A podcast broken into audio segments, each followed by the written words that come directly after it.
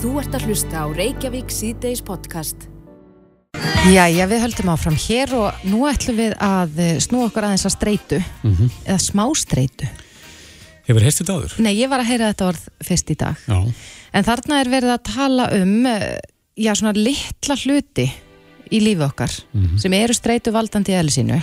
En þegar maður leggur það alla saman þá getur þetta reynilega valdi manni vanlíðan. Ágústa Jónsson, hún uh, skrifar pistil inn á MBL það sem að fyrirsögnin er er smástreita að eðilegja svefnin og drepa gleðina í lífið þínu. Ágústa er á línunni, kom til sæl. Já, komið sæl. Já, þú settir penna á blað og, og ritaðir þessa grein. Eh, eins og við segjum að þá vorum við að heyra þetta orð smástreita í fyrsta sinn í dag. Eh, Hvað er það?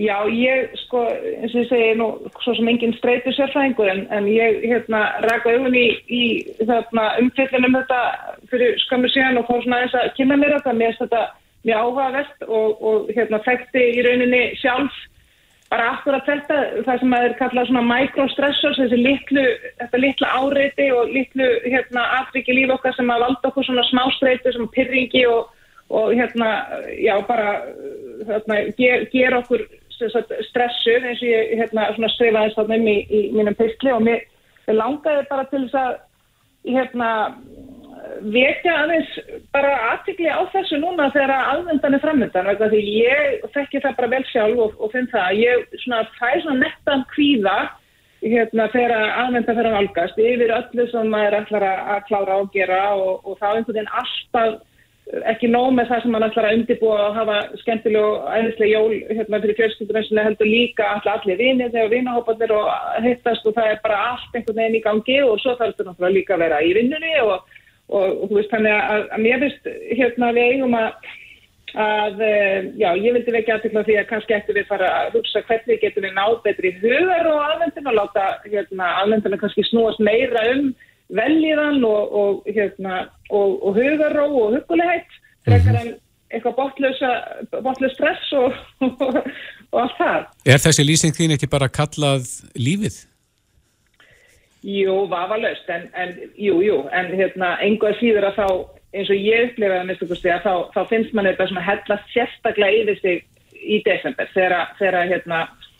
Adrialistin verið langur. Á, Já, adrenalistin hérna, lengist og, og, og, og þú veist, það er svo, við erum gætna á það að, þú veist, alltaf klára hitt og þetta fyrir jólinn og þú veist, og hérna, æ, þú veist, það þarf alltaf einu að skiptum teppi eða klísar og þú veist, alls konar svona hlutir og svo fyrir, fyrir utan bara þetta sem allir reyna að komast yfir að, að baka og föndra og hérna, og þrýfa og, og, og þetta er einhvern veginn endalust og mér finnst, þetta mjög algengt þó að sko vissulega hefur mér fundist umræðan um að sko eiga hugulega afvendu og, og hugsa um slökun og svona veljiðan hafi aðeins aukist undarfærin ár en mér finnst þið samt einhvern veginn alltaf missa það svona þegar að líður á desember. Já þannig það er meira í orði en á borði að við séum að, að já, taka þér rólega yfir jólinn.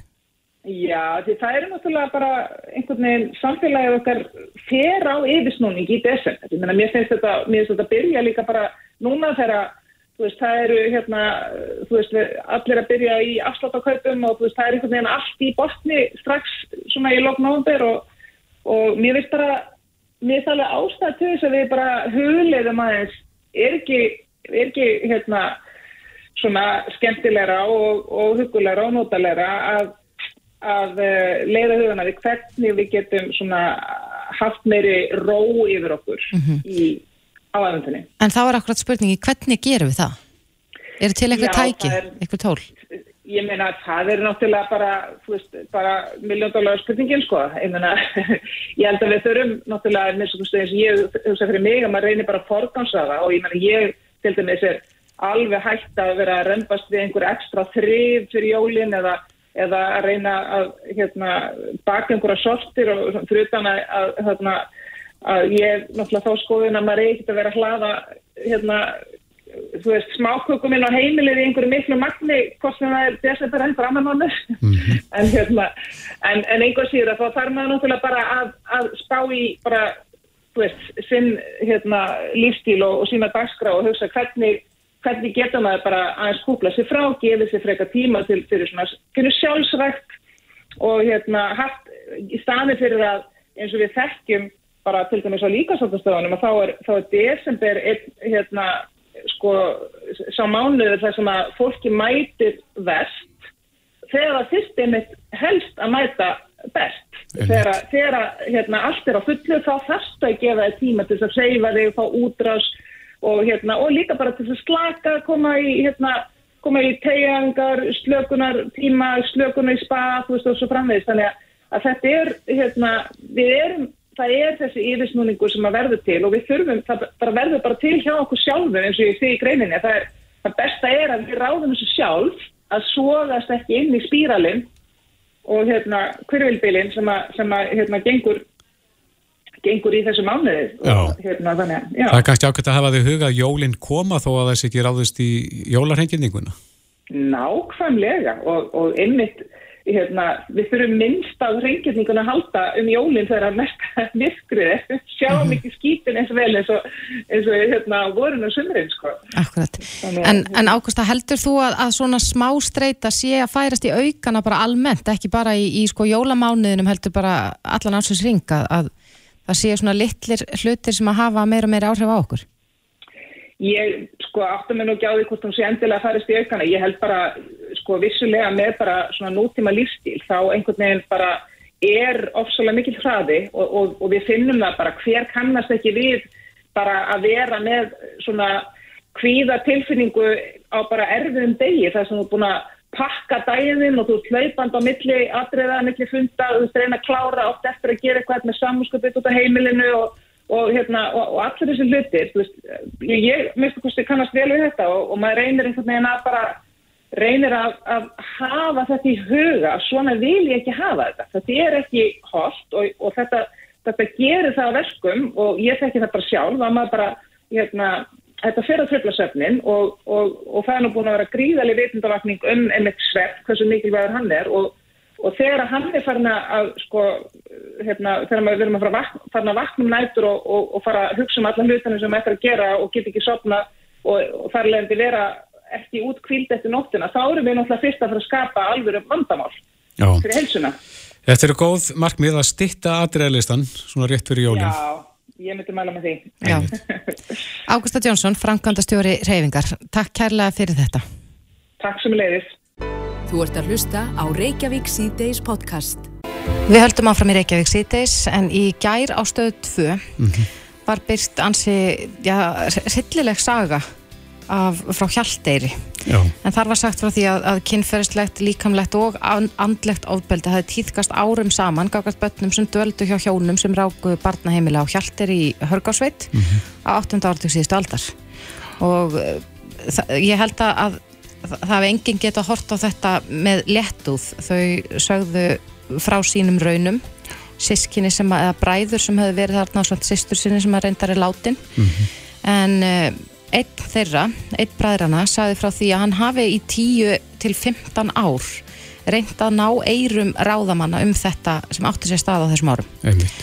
hann sendi tölvuposta og reyndi meðal annars að hafa samband við vistheimilanemnd og, og fleira í þeim dúr en hann hafi reynd að vekja aðtekli velferðanemndar þingsins á þessu máli Já. og hann hafi ekki, ekki mikið um svör. Nei. en að þó hafi Ásmundur Freiriksson þingmaður sjálfstæðisflokksinn svarað honum á sínum tíma. Já, var sá eini og Ásmundur er á línunni kom til sæl. Já, komið sæl. Þetta er hræðilegt mál eins og það var uh, rakið í, í fréttauganum í, í gær. Uh, mannstu eftir að hafa fengið þetta bref?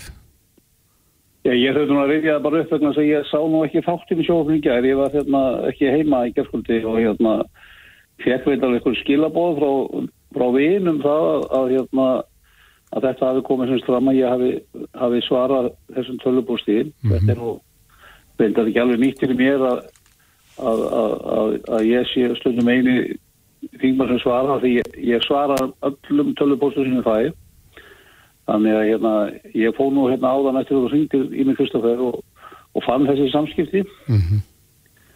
Og þetta er semst, ég fæ hérna tölubóst 15. janúar 2019, hann er sett að nýjum kvöldið. Og það sem hann er að lýsa fyrir okkur sem að fengum hennar post þeim hérna já þeirri þrautagöngu sem hann hefði lett í varðandi samgifni spætur eins og ég hérna skil tölupústinn og, og, og þeir hafi haft sambandi fórsendisáðaliti og vistheimilan hend og, og fleiri aðeila hérna í samfélaginu sem að þessi mál vörðuðu. Og, og það kom í sjálfu sér ekki mikið fram í þessu tölupústi um hverslas hverslas eiginlega í aðbúnað eða óg þetta þessi börn byggum við á þessum árum að það kringum ja, til 1981 mann ég eftir að svoði í postinum Mhm. Og, og sískinni hans og þau höfðu verið hann árum saman að mér skilist líka og við mi- mikið harðaræði gríðarlega mikið harðaræði og, og ég les það líka á vísi að ég fór og las þetta sem það kemur fram og, og þetta er auðvitað fingra en, en dálum tekur. En, en ég syns að svara á, það- á það, á það lunda hérna að ég myndi svona reyna að spyrjast um málið og, og, og, og svo var það bara í mínum hug að mjög mikilvægt að þegar að kæma þessu sækindisbótum þá sæti allir saman borð. Þannig að þetta var nú í svona sikkert lengri tölubóðstum en þetta. Ég hefur aðeins að kanna hjá hérna reytarinn nefndarinn á þessu tíma hva- hvað við hérna, hvort eitthvað hafi verið bókað um málið en, en megi reglan hjá okkur í velferðanendi er svo þegar svona mál kom upp þá höfum við rætt þetta okkar í milli við höfum haft áhugjur af málunum við höfum stundum kallað fyrir gesti út af svona málum sem að sem að hérna eru alvarleg og, og, og þessu en þarna komi sjálfum sér ekki fram nákvæmlega um, um hvað, hvers konar aðbúna þetta var. Þannig í þetta skipti þarf ég aðeins að býða til því að fá sagt, hérna útskritu fundagerð en við höfum tekið svona málu upp hérna, til umræðu hjá okkur sem að hafa komið upp í samfélaginu. Og það er auðvitað gríðarlega mikilvægt að, að, að þeir aðeila sem að búa yfir því afli og, og hafa samkynnisbætur og sínum, sínum, sínum konunus og fórstisræðandi að það taki þetta mál upp núna. Mm finnst það mjög mikilvægt og, og, og við stimulend og bara við innan kerfisins og þeir sem að hafa fjárveitingar í, í þessi mál að þeir eru þetta farið bara yfir það og, og ég held að það sé mjög mikilvægt til okkur í velferðarnemnd og nú verður ný velferðarnemnd kosin bara næstu dögum að, að við látum þetta, þetta mál okkur varða þegar þetta komið svona fram í fjölðunum og tökum það upp og, og, og, og fylgjum því eftir að, að, að ríkisvaldið standi við sitt kakar þessu fólki að það sittir við samaborðu aður. Akkúrat. Það er svolítið verið að, aðalatrið. Hann talaði um það, hann Steinar sem að, að, sagði raunin sína þarna í, í fréttaukanum að, að þetta væri ekki endilega bara spurning um sko sanngirninsbæturnar heldur einnig að það yrði viðurkent að einhver myndir hennilega viðurkenna að brotið hafi verið á þeim á þessum árum. Er það, fellur það í ykkar hluti í velferðanemnd að, að hefja rannsókn á þessu? Ég, ég þannig bara aðeins að kanna það hvort það sé okkar hlutverk að hefja rannsókn ég held að sé bara mjög mikilvægt í þessu ljósi sem að bæði það sem þú ert að segja. Og ég hef búin að lesa í, í vísi í dag að við hérna tökum þetta mál upp í nefndinni þegar hún kemur til starfa sem að vera vantalega í næstu viku myndi ég halda. Og, og, og öllum fyrir út af þessu máli og, og öllum okkur upplýsinga og, við framhalda því möndi við senda frá okkur eitthvað svona niðurstöðu eða eða beini til þeirra sem að það tækju málið áfram að klára það því að við erum í sjálf og sér ekki hérna, stjórnvald sem að getur dæmt bætur eða, eða férsektir eða, eða, eða útluta pinningum, það er ekki okkar valdi en það verður þá viðkomandi ráðaniti sem ætti að gera það. Þannig að ég held að það sé bara mjög mikilvægt að nú að tökum við utan á þetta mál og utan á þetta fólk sem hefur búið við þetta og, sí, og sínum því að, að, að við viljum sinna þetta málum. Það hefur greinilega verið mjög mikil brotalum í því af, af öllum sem að, að því hafa komið og það er bara þetta okkar hlutverk og, og þeir eru búin að benda á þetta fjölmjölarnir og, og, og nú er bara mikilvægt að við fylgjum því eftir og, verði ég í velferðinum þá mun ekki samt og mér að gera það. En þetta hefur greinlega verið allt of algengt á þessum vistheimilum að þar hafi pottur verið brotin og nýðst á, á börnum. Uh, er, er, Sérstaklega málkristofur er náttúrulega bara umhugsan efni sko að, að, að í okkar samfélagi, í okkar opna og góða samfélagi að svona hluti bara geti gerst, þetta er náttúrulega bara með algjörum og ólíkindum. Einmitt. En er, er við að gera það fyrir að þetta geti gerst aftur? Já, sko, ég, ég, ég segi nú alltaf þegar það verður að ræða svona hluti að, að við búum yfir hérna að eiga mjög mikið að hæfu fólki sem er að stjórna þessu málum á, og þessu vikamistu málum samfélagsins. Það er gríðalega hérna öflugur hópur fólk sem að, sem að, sem að sinnir þeim að mikill alvúð og oft er, er það nú mjög vannfattal starfaði. Þetta, þetta er mjög erfitt að, að, að setja sér inn í, inn í þessi mál. En það er líka ljóst uh, ásmundur að nýðingarnir þeir sætjast í þessi störf líka. Já, það er náttúrulega líka með ólíkinn og hvernig þeir hafa náttúrulega náða að smjúa þar inn og það hefur við heilt á undan þessum árum. Við þurfum auðvitað bara að vera varbyggja eitthvað tí og, og, og, og ég held að, að við öll viljum að, að kerfi sé, sé fullkomið en það eru, það, það, það eru lekar og, og, og, og við þurfum bara að gera allt í þessum við getum gert í okkar mannlega valdi að, að koma fyrir þá, komið vekk fyrir þá. Ég held að það sé náttúrulega stóra máli sko. Já, nú fyrir þinga að koma bráðin saman aftur. Serðu fyrir að þú komið til með að íta á eftir því að þetta mál verði skoðað? Já, ég var að segja það að, að hérna, verði ég í velferðnefnd í næstu viku sem að vera kosin að þá mun ég bara láta, mun ég taka þetta málu og kalla til hérna til aðila og, og, og sem að geta kynnt nefndinni stöðuna á málunu og, og við munum þá í framhald af því vinna það áfram, við höfum gert það áður og mm -hmm. mér finnst bara einn einbóðið, algjörlega einbóðið að við munum gera það. Já, en Ásmundur, þú varst í dag á Þingflokks fundi ekki satt? Jú. Erst ekki með eitthvað brakandi ferskar frettir þaðan?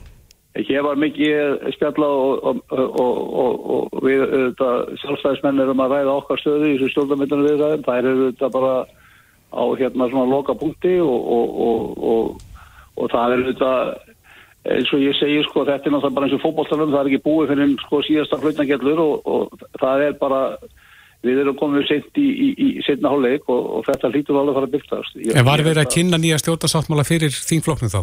Nei, hann likur ekki fyrir. Er það sjóðan saman? Já, það er ekki við, af því að það eru bara þau, sko. Það eru bara, er bara mjög fáið sem að komast að því og, og, og, og ég hef nú séð það í fjölbjölum og eftir ykkur að, að, að það, það er funnur 13. að tala við okkur þingmennina núna því að við höfum svo sem ekki verið að, að færa ykkur mikla frittir. Fá þingflokkarnir ekkert um, um þetta sagt eða að leggja nettir málana?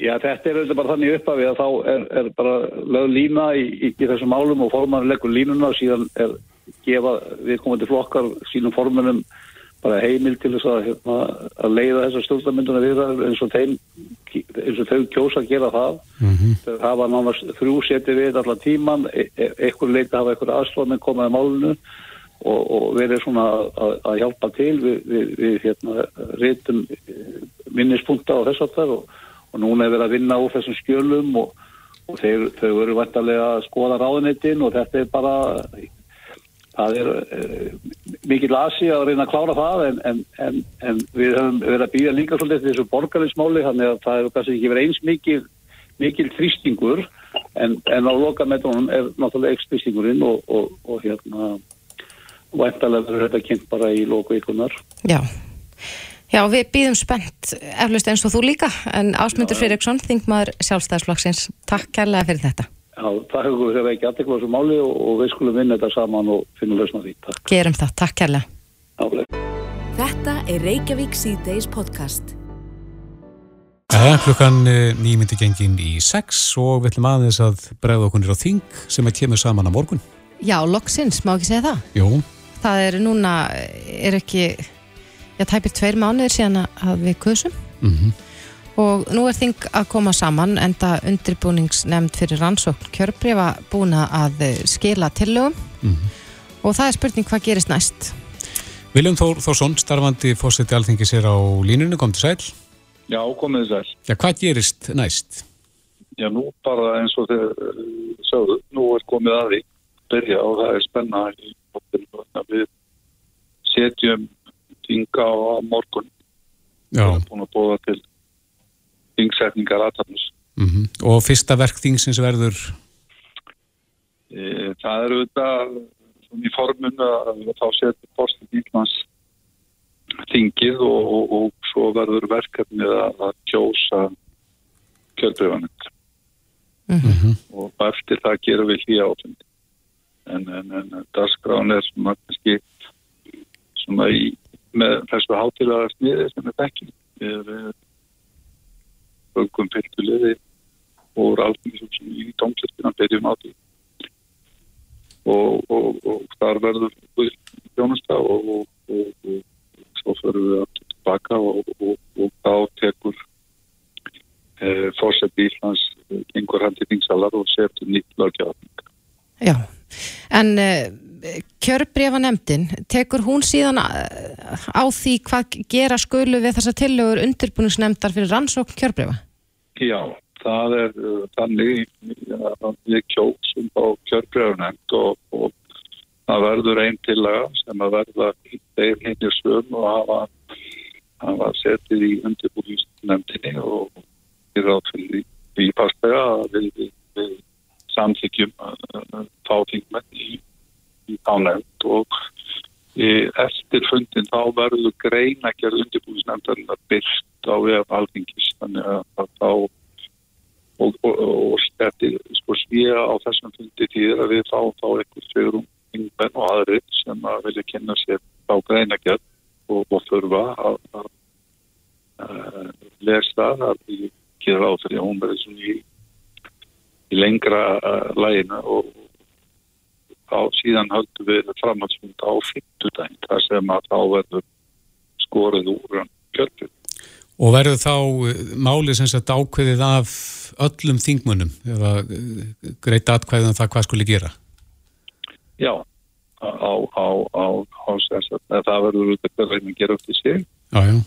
Uh, með, um þáttöku en já, það eru allir þingmenn sem geta þá, þá skorið úr um, um, um kjörbrifin en, en það, það verður að, að býða og sjá greinar gert og, og svo tilur kjörbrifa nefndar þegar það kemur að 50 teginu hvaða, hvaða, hvaða tilur uh, hún mælið uh, fyrir mm -hmm. á 50 teginu og þá hvað hvað í raun og veru við erum að fara að kjósa um þá hafa verið í umræðinni tvær tilur mm -hmm. annars vegar kostning og hins vegar þá staðarfesting kjörbreyfa á, grundfelli e, kostninga og, og þá þarf að fara yfir það hvort til að hann gengur lengur hvað er kostið um á undan og starfandi fórseti alfingis hefur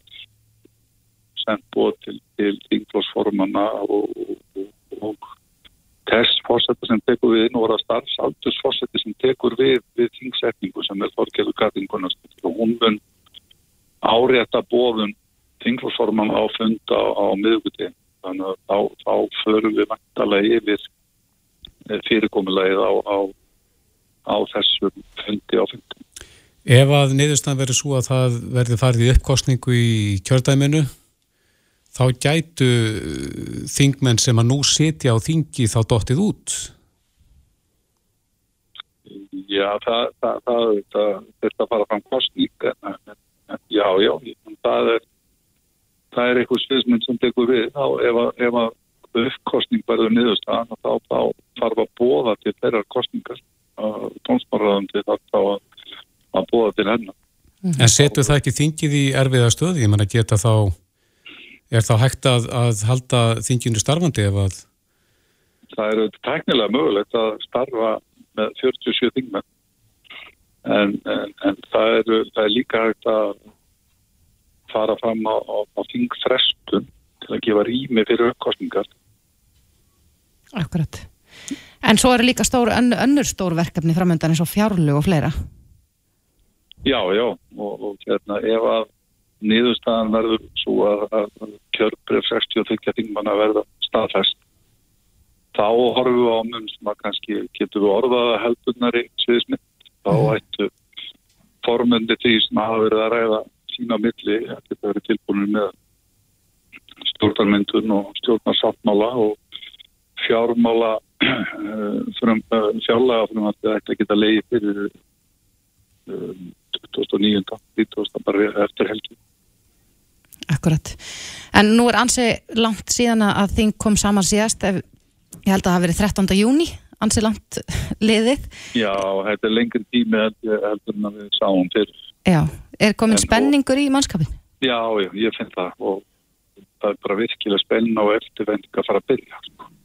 Já, Akkurat. hvað finnst þér brínast að, að, að þingi taki fyrir núna fyrir auðvitað kannski fjárlögin. Það er auðvitað það sem býður, það er um fjöldum um fjárlagafröðmarki. Það, það, Það er bara nummer 1, 2 og 3. já, það blasir alveg við. Hérna, Það er auðvitað fyrir að styttist í annan endan á, á þessu en þetta, er- þetta er vel gerlegt enn sem komið er.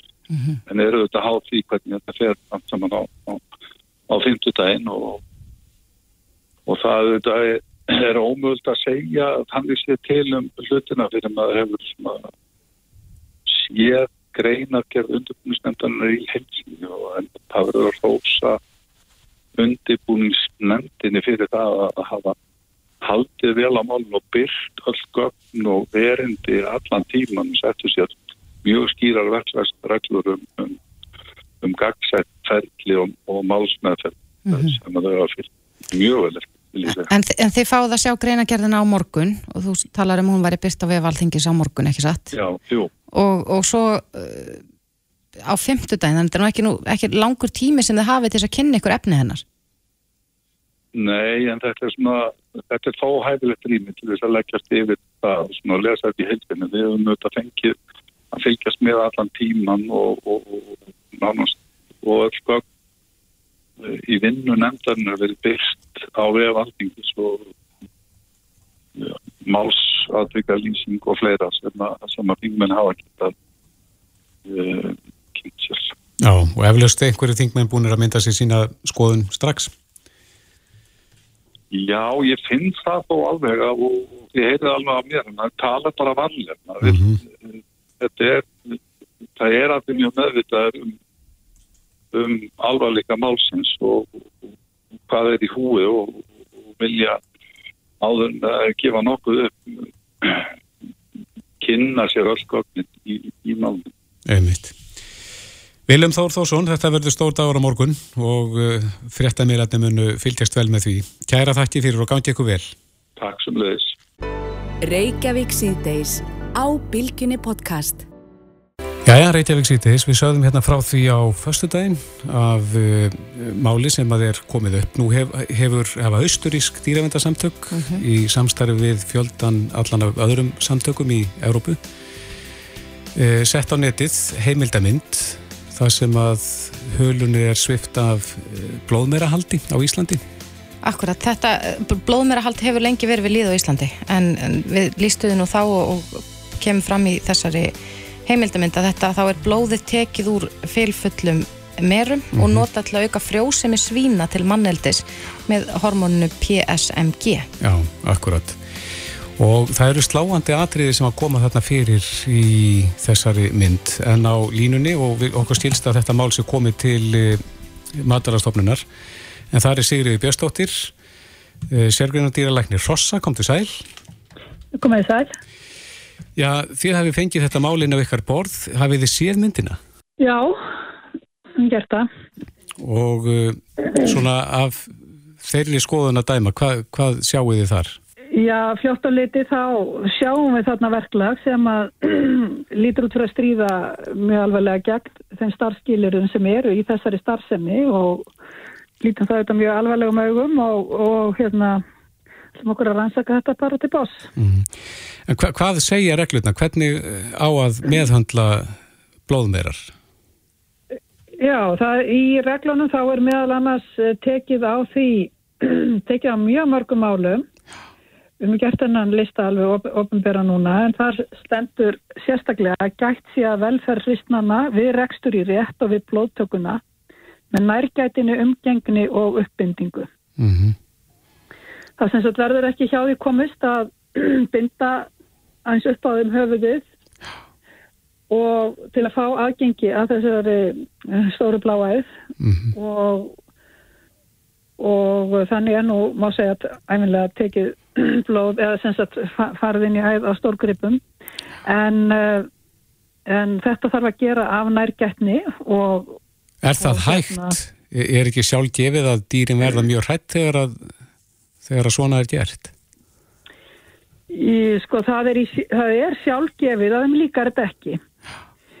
Hins vegar er hægt að gera þetta með þeim hætti að, að, að, að þú aukir ekki á svona stressið við þetta Mm heldur gerir þetta af nærgætni og þær venjast þessu eins og öðru sko.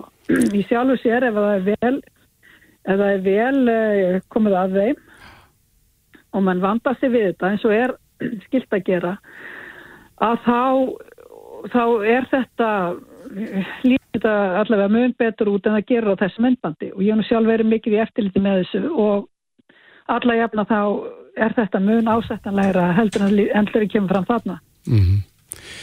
En uh, hvað eru margar hrissur uh, undir uh, svo, svona eftirliti í dag? Sko í þessari starfsemi eru um 5400 hrissur voru það á árið núna árið 2021 sem er nú mestur fjöldi sem verið hefur. Þetta hefur farið svona tölvert vaksandi þessi starfsemi en, er, en er svona þó að flata af og er svona að, að þetta er svona í kringum, kringum þessa tölu núna Mm -hmm. Og þetta er eh, heil mikið, þetta er á yfir 100 starfstöðum og þetta er að minnstakosti jafn margar hrissur og eru í reyðasta framleyslu á landinu. Já. Hvað má taka mikið blóð í einu? Það má hámarki taka 5 lítra Er það ekkert mikið? það er mjög mikið, myndi maður ætla svona með við alla staðla en, en það er samt sem að þannig og það er mjög löng reynsla fyrir þessari starfsemi að þá hérna verður þeim ekki mikið um þetta og við látum sem sagt fylgjast með blóðurrauðanum í þeim og, og hérna reglulega og það kemur í ljós að þær eru gríðarlega fljótar að vinna upp þetta blóðtap. Og þannig að og við fáum ekki svona neina efnaskipta sjúkdóma eða svona sjúkdóma, framlegsli sjúkdóma sem tengist þessari starfsemi þannig að þeir eru, þeir eru fátíðir þannig að það verður ekki séð í sjálfu sér að meðranum verði mikið um blóðtökuna að því gefnu að þetta fylgir náttúrulega öllum reglum. En uh, Sigri, þið hafið eftirlit með þessu. Uh, eru þið með nægilega mikið, já, bara mannabla til þess að geta fylgst með og tala um 5400 merar? Er hægt að fylgjast nægilega vel með þessu til þess að ganga úr skuggum að, að ekkert óæskilegt eigi sér satna stað? Já, það er náttúrulega rétt að við erum auðvitað ekki með eftirlit við hverja einustu blóttöku en uh, ég get þó sagt að eftirlitið með þessari starfsemi er í forgangi hjá stopnuninni við erum með meira eftirlit með þessu en öðru búfjárhaldi. Og það þýðir það að við förum á svona um 20% starfstöðva á ári hverju á meðan á sjálfri blóttökunni stendur. En við höfum eftirlit auk þess með þessum hrissum á ársgrundvelli þannig að við, við heimsækjum segja önnur 20% að vetri til Mm og látum þetta svo rúla. Þannig að við erum líka mjög upptekinn af því hvernig þessar hrissur eru fóðraðar, hvernig eru haldnar og hirtar yfir veturinn því að þessi starfsemi þarf að standast kröfur allan ásins ring. Og hafið þið gert Og að athuga- blóðtakan sé mjög af- að tímabundin, já. Já, hafið þið gert aðtóðasendur við uh, í þessu eftirliti ykkar? Já, já, það var náttúrulega bæði komið fram svona ímis uh, uh, frávik en ef að það koma fram alvarleg frávik þá höfum við stöða starfseimina strax. Mm. En þið hafið séð þetta, þessa heimildamind, hvað er Já. það svona helst sem að slær þig? Í, Það sem slær mig helst er sko meðferðin á hrissunum. hve- hvernig þá? Já, það er verið, það eru beittar miklu hörku þeim þegar verið að reka þær inn í básana. Eh, það er út yfir það sem er ásættanlegt og þannig að það er þetta fyrst og fremst það. Að þær eru barðar þarna áfram og Já, Mhm. En hvað með aðbúnaðin, þessi, þessar þröngu stíjur og, og, og fleira sem Já, maður sá í það- þessu myndbandi? Já, Telst það þær eðlilegt? ná- Já, það er fara inn í þessa blóttökubása. Þeir verða að vera svona auðvitað þröngir vegna þess að þeir verða að vera þannig að, hris- að hérna, það, það myndast ekki slísa hætta með sama hætti eins og það væri lausar. og þær get ekki verið lausar við þetta vegna þess að það eru ekki að komast að þessari æð og til að taka svona blóð uh, í þessu skala öðruvísin að það séu bundnar upp. Mm. En eh, hvað má taka mikið blóð úr þeim áður en það fyrir að skada þær? Er, eru mörgin hérna við þessa 5 lítra?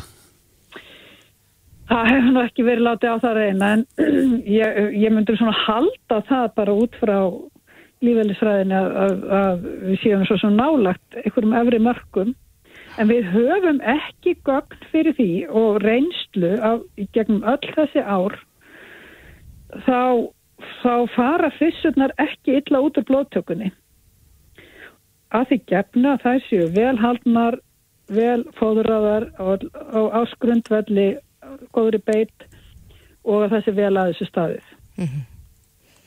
En við heyrðum hérna fyrir helgi í uh, dýravendar lögfræðingi á honum Árna Stefáni Árnasinni mm -hmm. sem sagði að, að, að í Evrópu væri það nú bannað að vinna með þetta hormón sem að verið að vinna úr blóðinu og þetta hafi verið bannað víða um heim annar staðar eru ennþá rauk fyrir því að halda þessu áfram hér? Já, ég veit ekki nákvæmlega til hvers hann er að vísa þarna en uh, ég sko þessi starf sem er ekki bannuð samkvæmt íslenskri lögjöf eins og er. Og það getur vel verið um verðið það eitthvað tíman það er náttúrulega lögjöfans að taka ákvörðunum mm -hmm. en uh, En hérna okkur hlutverk matalastofnunar, þetta er skráningaskild starfsemi, það er þá að halda utanum þetta og setja þessari starfsemi starfskýliði, þannig að við teljum tryggt að þetta samrýmist lögum en dýravelferð. Það er okkar hlutverk. Við hefum reyndast virkilega á sérstaklega undanförnum áratug eftir að við hefum nýja lögjöf þarna reynda að halda utanum þetta og taka utanum þetta áhættu með, eh, hérna, setja upp áhættu með eftir lit, greina helstu áhættu þætti og setja það inn í starfskilirðin þannig höfum við verið að vinna þetta en þetta er svo, sannarlega verkefni sem aldrei klárast og síðan uh, má auðvitað alltaf deila um það hvar, hvar þetta mat liggur Uh, en þetta, hefur, þetta er okkar, okkar mat. Mm -hmm. Þú ert dýralæknir og, og uh, ferð fyrir dýra, dýra velferð hjá matvælastofnun. Ef þú ættir að, að vega og meta hvort að velferð dýrana sé tryggð, það er þess að hvort þetta sé gott fyrir hrissutar eða ekki, hvað, hvað myndur þú segja við því? Eins og við komum fram, þá mötum við að þannig að ef að þessum skilurum er fullnægt sem við höfum listað upp að þá sé þetta rúmust þetta innan okkar lögjafur um dýravelferð -hmm. ef það er ekki nú þá er komin upp öndu staða Akkurat, þannig að á meðan að lögjafun er með þessum hætti þá, þá er eh, verður þessu að mista okkar ekki breytt Eh, nei, en við náttúrulega, við höfum náttúrulega með þessu, við höfum tilefni til þess bæði að, og ætlum að rannsaka það sem við sjáum þarna og, og, og leggja mat á það hvort við þurfum að bæta í og þá hvernig. Við munum nota þetta, þessa ábendingu mm -hmm. til þess að brína okkur í þessu, í þessu eftirliti Já. og í þessu mati, það er enginn vafi. En svona með það sem að þú serði í þessari heimildamind að þá er, er þarna um brota á dýra vendunarlögum að ræða? Já, manni sínist það, en ég mun reyna að rannsaka það betur. Já. Kærar þakkir fyrir þetta, Sigriði Björnstóttir, sérgreina dýralegnir Rossa hjá Matalastofnun. Takk, takk. Takk fyrir samanlega þess að. Reykjavík síðdeis á Bilginni podcast. Jæja, Reykjavík síðan þess að bylgjunni heldur áfram en eh, aðeins hérna af bólusetningum. Það segir einnig fréttin á vísi að vel hefði gengið að koma út þeim 400 örfunarsköndum af Pfizer bólefninu sem að stóðu afgangs þegar að heilsuskeslan opnaði fyrir bólusetningar þeirra sem ekki höfðu fengið bóðum í dag. Mm -hmm. Þannig að þeir bólusettu eh, hvað 7000. Það er góðu slatti. Og svo gekk vel að koma afgangnum út. Já. Hefur þið hirt nýrið fyrir ekki hérna, spröytu öfund? Já, ég heyrði þetta ekki stáðan daginn. Ég er pínu að upplifa þetta. Ég fekk nefnilega sko, örfunaskamt af Pfizer vegna þess að ég hafði fengið Janssen.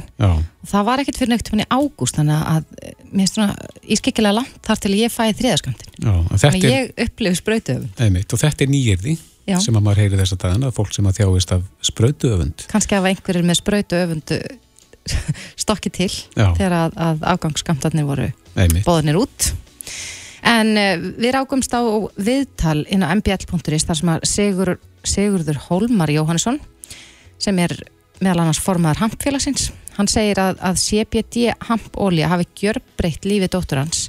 Hún heitir Sunna en hún er greint með afar sjálfgjafan tauga, tauga sjúkdóm AHC og þetta er, eh, þetta er mjög sjálfgjafur sjúkdóm. Við höfum nú áður talað við Sigurð Hólmar hér í þessum þætti. Já, en uh, þá uh, vakna svo spurning sko, það er búið að tala lengi um CBD og að, að vinna allskins vörur úr hampinum.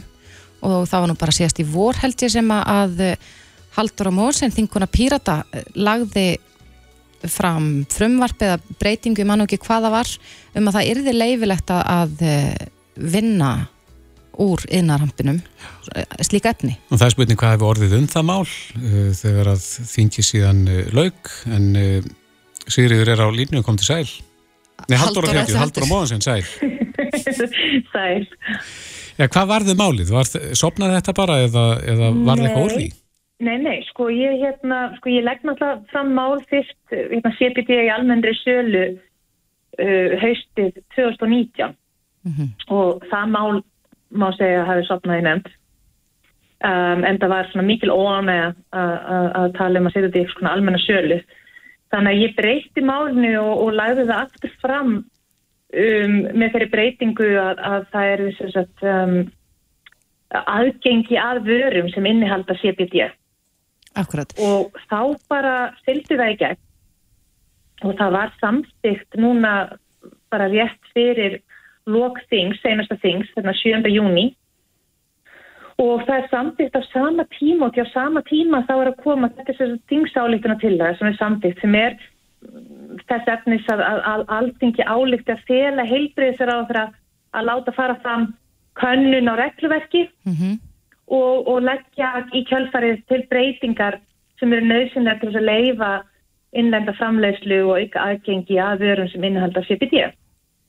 Og þarna á sama tíma er ráðra heilbreyðsir að leggja fram frummarp sem að ég tek að mér og er framsögumadur uh, þess máls inn í, í velferðarnefn sem við erum að vinna samsliða þessu tvö mál.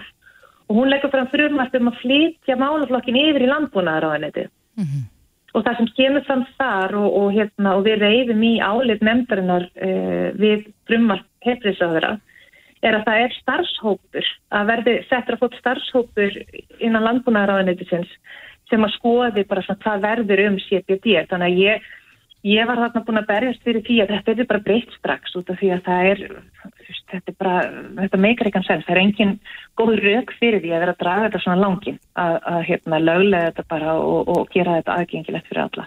En, en heldur að heldur að fólk sé að, að sko, svona í almennri umröðu að ruggla saman, við erum að tala um sko CBD-olju til dæmis Já. eða fæðubótaefni sem eru ekki með þetta virka efni THC sem að veldur vímu. Heldur Já. að fólk setja þetta allt undir sama hatt? Já, ég vona að umræðan hafi allavega orðið til þess að það sé aðeins betri skilningur á þessum málaflokk og að þessi tala um, þetta er tala um yðurnaðar hamp, ég menn þetta er náttúrulega plantan sjálf er nýtanlega í alveg gríðarlega margt og CBD er bara ein nótkun, það er að segja að nota blómið á plöntinni um, það var astnalegt að það hér sé lög sem segja að þú meir sko rækta yðnarhamp og þú meir nota alla hluta plöntunar nema blómin einhvern veginn og það meir ekki vinna uh, CBD úr blómunum hérna á Íslandi. En samt Er það- er það hægt? Að, en samt er verið að flytja CBD-vörur inn erlendis frá og selja hérna á Íslandi. En í þessari framlegslu sem er hér á hampi, er hægt að vinna þessa CBD-olju úr íslenska hampinum? Já, já, klárlega, það er ekkert mál. Og þetta er í raun og veru hérna er verið að mismuna framleiðin, það er verið að mismuna, það er ekki verið að leifa innlenda framleiðslu, uh, heldur bara má flytja en erlendis frá, en það má ekki vera í, til innvorstisnótkunar, heldur bara til útvorstisnótkunar og auðvitað leiðir það bara að sér að, að, að vörur sem allir vita sé til innvostisnótkunnar eru bara settar á einhverju miði á sem stendist til útvostisnótkunnar þannig að þetta skapar bara ringulreið og eitthvað gráan marka sem að, að hérna, uh, það sem er erfitt fyrir neytindust til þess að sækja sér almenlega upplýsingar um innihald og fleira. En það er sláand að lesa frásögn uh, formans handfélagsins þar sem hann talar um að, að dóttir hann sem var að fá ítrekkuð flóg og mjög erfið að eftir að hún byrjaði að nota þessa ólju að þá hefur hún ekki fengið flóg og að hún hafi til dæmis eh, sé nú í dag full talandi og það var eitthvað sem hún gæti ekki gert áður. Eru Já. við eftir á í þróun eh, á, á þessu? Þú veist, ættu að vera komin lengra? Ég, við eigum það til að vera daldi eftir á í, í öllu svona og sjálfsögðu við- að vera komin lengra. Það er, það er orðið daldi síðan að, hérna, að það er farið að líta á þetta allt öðrum augum því sem við erum Evrópu og, og um heiminn. Og það er nokkuð ljóst að, að þegar að, að vara er ekki með þessu THC efni svo talar um sem að er vímu, veldur vímu að þá er ekkert sem bendir til þess að þetta sé skæðilegt og neitt hátt. Og maður er að heyra alveg ótrúlega sögur og það er ótrúlega flotta rannsóknir sem styðja þetta. Þannig að ég, þetta er að koma, ég er bara að vona að þetta verði gert eins aðgengilegt og ótrúlega mögulega hægt er út af því að, að við eigum ekkert að þurfa að flokka CBD sem líf og frekar heldur en D-vitamin þannig séð. Er eitthvað stofnanir sem að lætjast gegn eh, þessu? Lífjastofnun til dæmis, hvað, hvaða afstöðu tekur hún? Já, það hafa komið neikvæðar umsagnir og það er, ég, ég fundi fyrir þeirri baráttu sérstaklega hérna innan þingsins og, og, og, og frá umsagnaræðilum að, að, að það er eitthvað sem við baráttu um að, að, að flokka þetta sem líf sem að gera þetta ekki, þannig að verður þetta ekki aðgengilegt og, og, og hérna erfiðar að þetta, og það er ekki þörf á því. Við þurfum ekki að, að hérna, flokka þetta sem líf Er þetta flokka sem vera- fæðibótarefni annar staðar? Já, þetta er allavega nægt, þetta er á gráu svæði ennþá mörgum stöðum en ég veit að það er, það er til dæmis verið að skoða að flokka þetta sem eitthvað annað. þú veist ekki endilega færibótrefni heldur bara að finna einhverja aðra flokkun á þessu sem er ekki jafn takmarkandi og, og að flokka þetta sem lif þannig að ég held að þessi sko, mér skilst að þessi vinnuhópur eða starfshópur sem er að skoða þetta í dag og er vonandi allavega samkvæmt að ætti að fara að skila niðurstöðu núna bara strax 1. desember uh, ef að þeir eru tímanlegir að þá, þá er þetta aldrei verkefni þessa starfshóps að komast að niðurstöðum hvernig best er að flokka þetta og hvernig best er að setja þetta markað og, og leifa þetta og annað. Já, en það er þín skoðun að þetta ætti að vera uh, frjálsara. Já, já, ég, fyrir, fyrir mér þá mætti flokka þetta sem fæðubúta efni. Ég er bara að, til að þetta ætti að vera sem allra frjálsast. Einmitt. Haldur á móðusinn, kæra þakki fyrir þetta. Já, takk fyrir. Reykjavík síðdeis á bylgjunni. Jólin álgast eins og alkunna er og við höfum nú svolítið verið að svamla í jólabókaflóðinu. Já, og það er uh, eflust margar bækur sem að fólk býður eftir en uh, einn ein svona vinsalasta bókaserja í, nokkra ára tugi Já. hafa eflust verið útkallsbækurnar. Og það er engin undantekning núna, nú er útkallsbók sem að eh, er komin í Veslanir. Já, það er, uh, hún, hún ber heitið í auga fellibilsins og höfundur hennar, Óttar Sveinsson, er á línu hjá okkur, kom til sæll Óttar. Og með sæl. Nú með hvað er þessi bók í rauninni? 20, númer 28. Númer 28? Það hlæja sko þegar það sem maður segir þetta 28. Þetta er svo marga, það er búið að vera einn bók núna árið frá 94. Já, Og þetta er hérna- útald. Já, það sagði sko, þetta var nú aldrei meiningin að skrifa nema eina bók sko og hérna frendi minn útgefandi sagði við mig þegar fyrsta handriti kom út sko eða, þetta er nú bara svo fínt sko, þetta er örglega þeirra jafnmarka bækur og, og hérna á reynastund og ég segi svona á reynastund og byrju hvað er það margar? Það eru 19, 19 segi ég. Heyrðu, þetta er nú eitthvað skrítið maður. Ég, eins og segi, mér datt bara ekki huga að hérna, ég myndi skrifa aðra en svo náttúrulega rakti eitt annað og, og þetta gekk vel allt saman og hérna.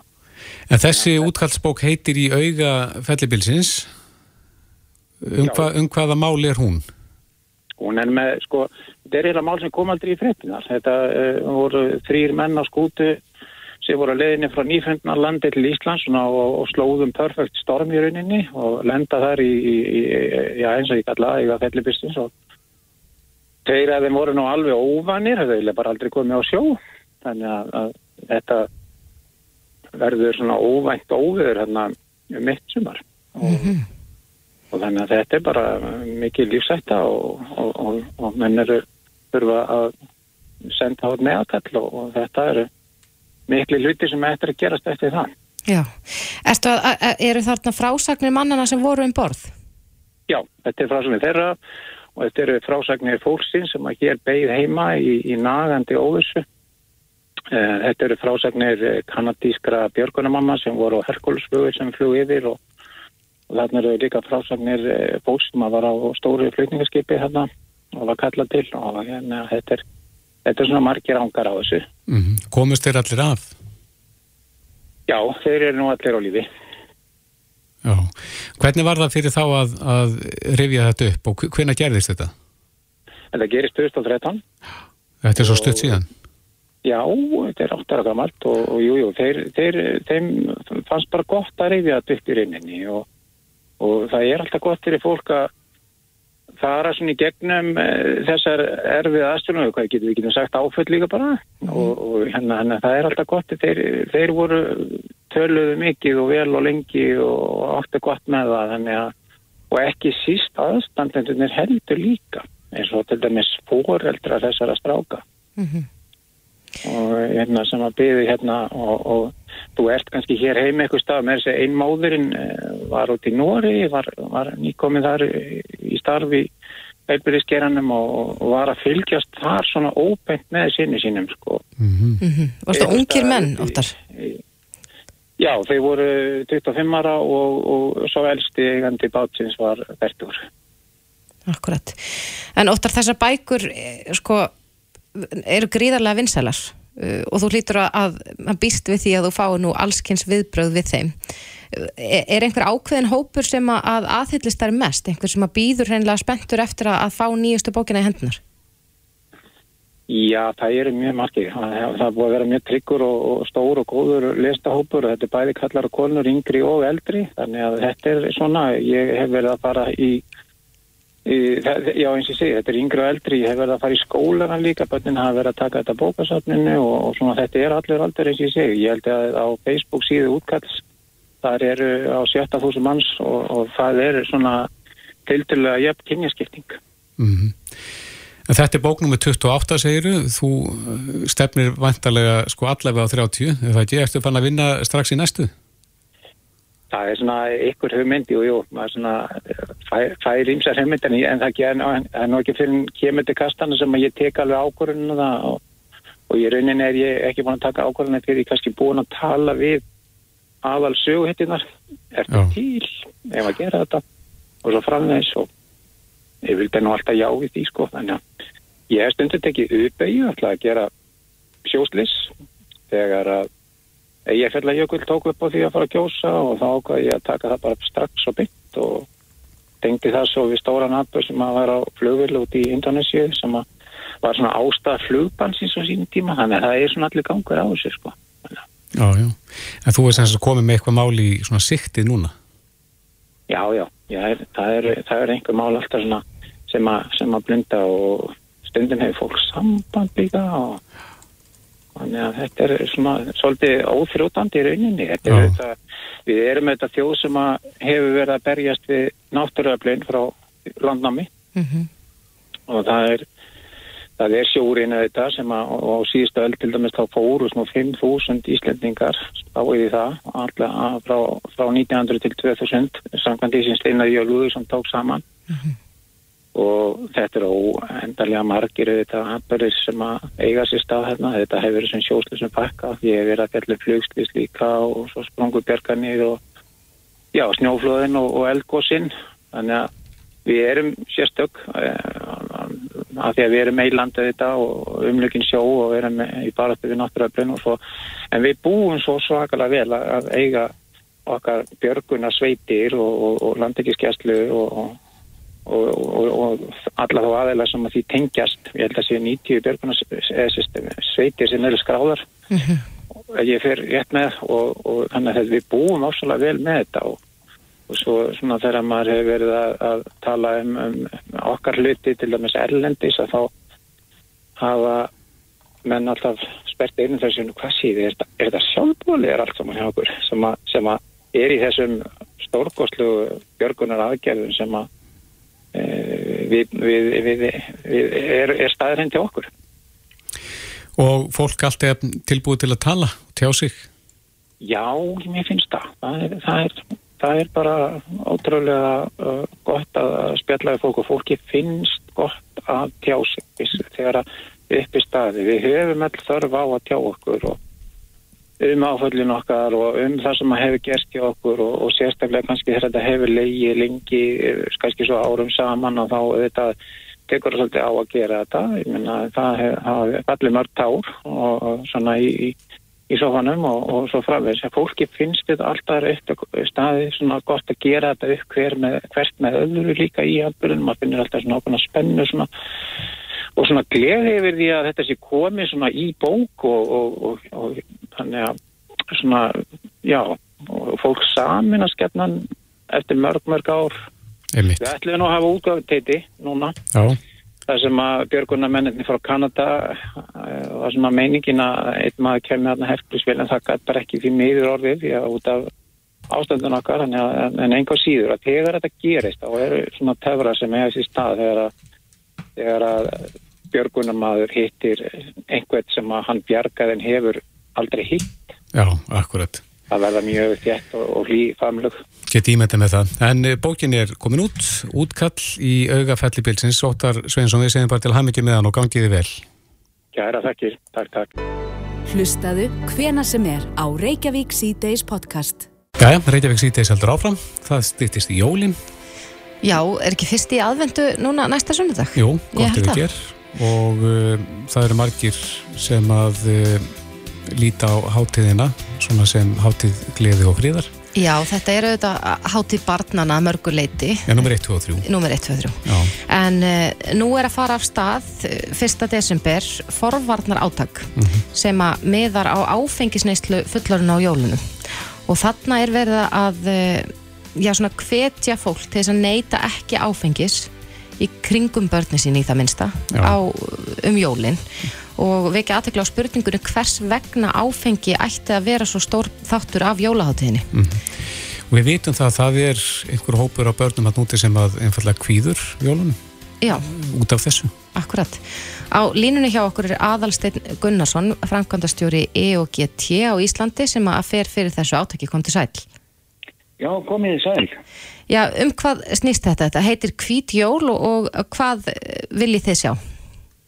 E, við viljum náttúrulega að sjá að börnin fái hérna örugt umhverfi, svona výmulust og njótið þess að vera með fjölskyldinu um jólahátja. Mm -hmm. er... Þetta er þetta er svo sem ekki farið fram á mikið í þessu átæki. Þetta eru 24., 25. og 27. desember, þetta er ekki náma þrýr dagar af þessum 365 mm -hmm. sem við kveitjum e, þá sem að nota áfengi að kvíla sig aðeins og vera bara með börnunum í allskáðu umhverfi.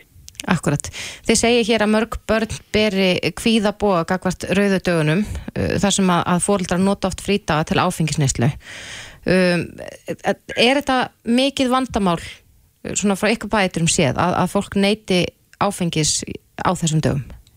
Tímiður, þá er það bara allt valgent og við hefum séð tölur sem eru svona rýsandi tölur frá barnavend og, og barnavend og stofu sem að benda á að, að e, neysla áfengis innan að börn er orðin algengar en hún er kofuna það er hérna við hefum ágjör á því og náttúrulega ekkert battum á það skilju að allast upp í svona við þessar aðstæður Nei, en gerir engan greinamun á, á því að fá sig kannski pínu raukt með jólasteikinni og svo því að, að detta einfall líða? Í, að sjálfsögðu verður hverju einn að hafa sína hendi sem er með þetta en uh, börn finna alltaf uh, þegar að fóröldrar eru undir áhrifun mm -hmm. Akkurat en teljið það sé, séu líkur á því að ástandi verði verra núna einmitt út af, eins og segir, út af kóinu? Já, við höfum ágjör á því það hefur hérna e, reyndar er ánægilegt og það hefur aðeins streikið úr áfengisnæstunni í heilt í landinu Já. og e, æg fleiri lýsa frati á hérna, áfengisnæsluna sem e, svona menningu og und fólk kemur æg fleira fram í fjölmjölum og segir að það ætla ekki endilega að drekka sko. Nei, að sjá ekki endilega þörfuna á, á því. Fleiri sem að lifa áfengislausum lífstíl. já, já, og þetta er náttúrulega lífsættir sem að allir hvetja til uh, hvort sem það eru að vinna í heilbæriðsgerunum, félagslega gerunum eða, eða frálsum félagsamtöngum eða bara hvar sem er. Einu svona mæla með uh, áfengisneislu í alverunni það eru áfengisframlegendur Akkurat. En, en þið eru að byggja fólk um að skrifa undir, vera uh, svo kallega sendiherrar, er það ekki? Jú, og eh, hérna, þetta er bara til þess að draga fram e, í dagsljósið e, hversu mikil þarf þetta er. E, nú eru strax komið 468, það er svona nálgast að vera e, 70-100 á dag og svo náttúrulega ekstra bara. Fyrir nokkrum árum þegar við byrjum þá stendum við alltaf að því að ná þúsund Mm undirskriftum en e, ég við fyrir léttilega með nokkur þúsund Já, undirskriftum núna, þetta er svo vinsæft. og þið eruð að sapna þessu rafrænt inni á kvítjól.is. Já, það passar.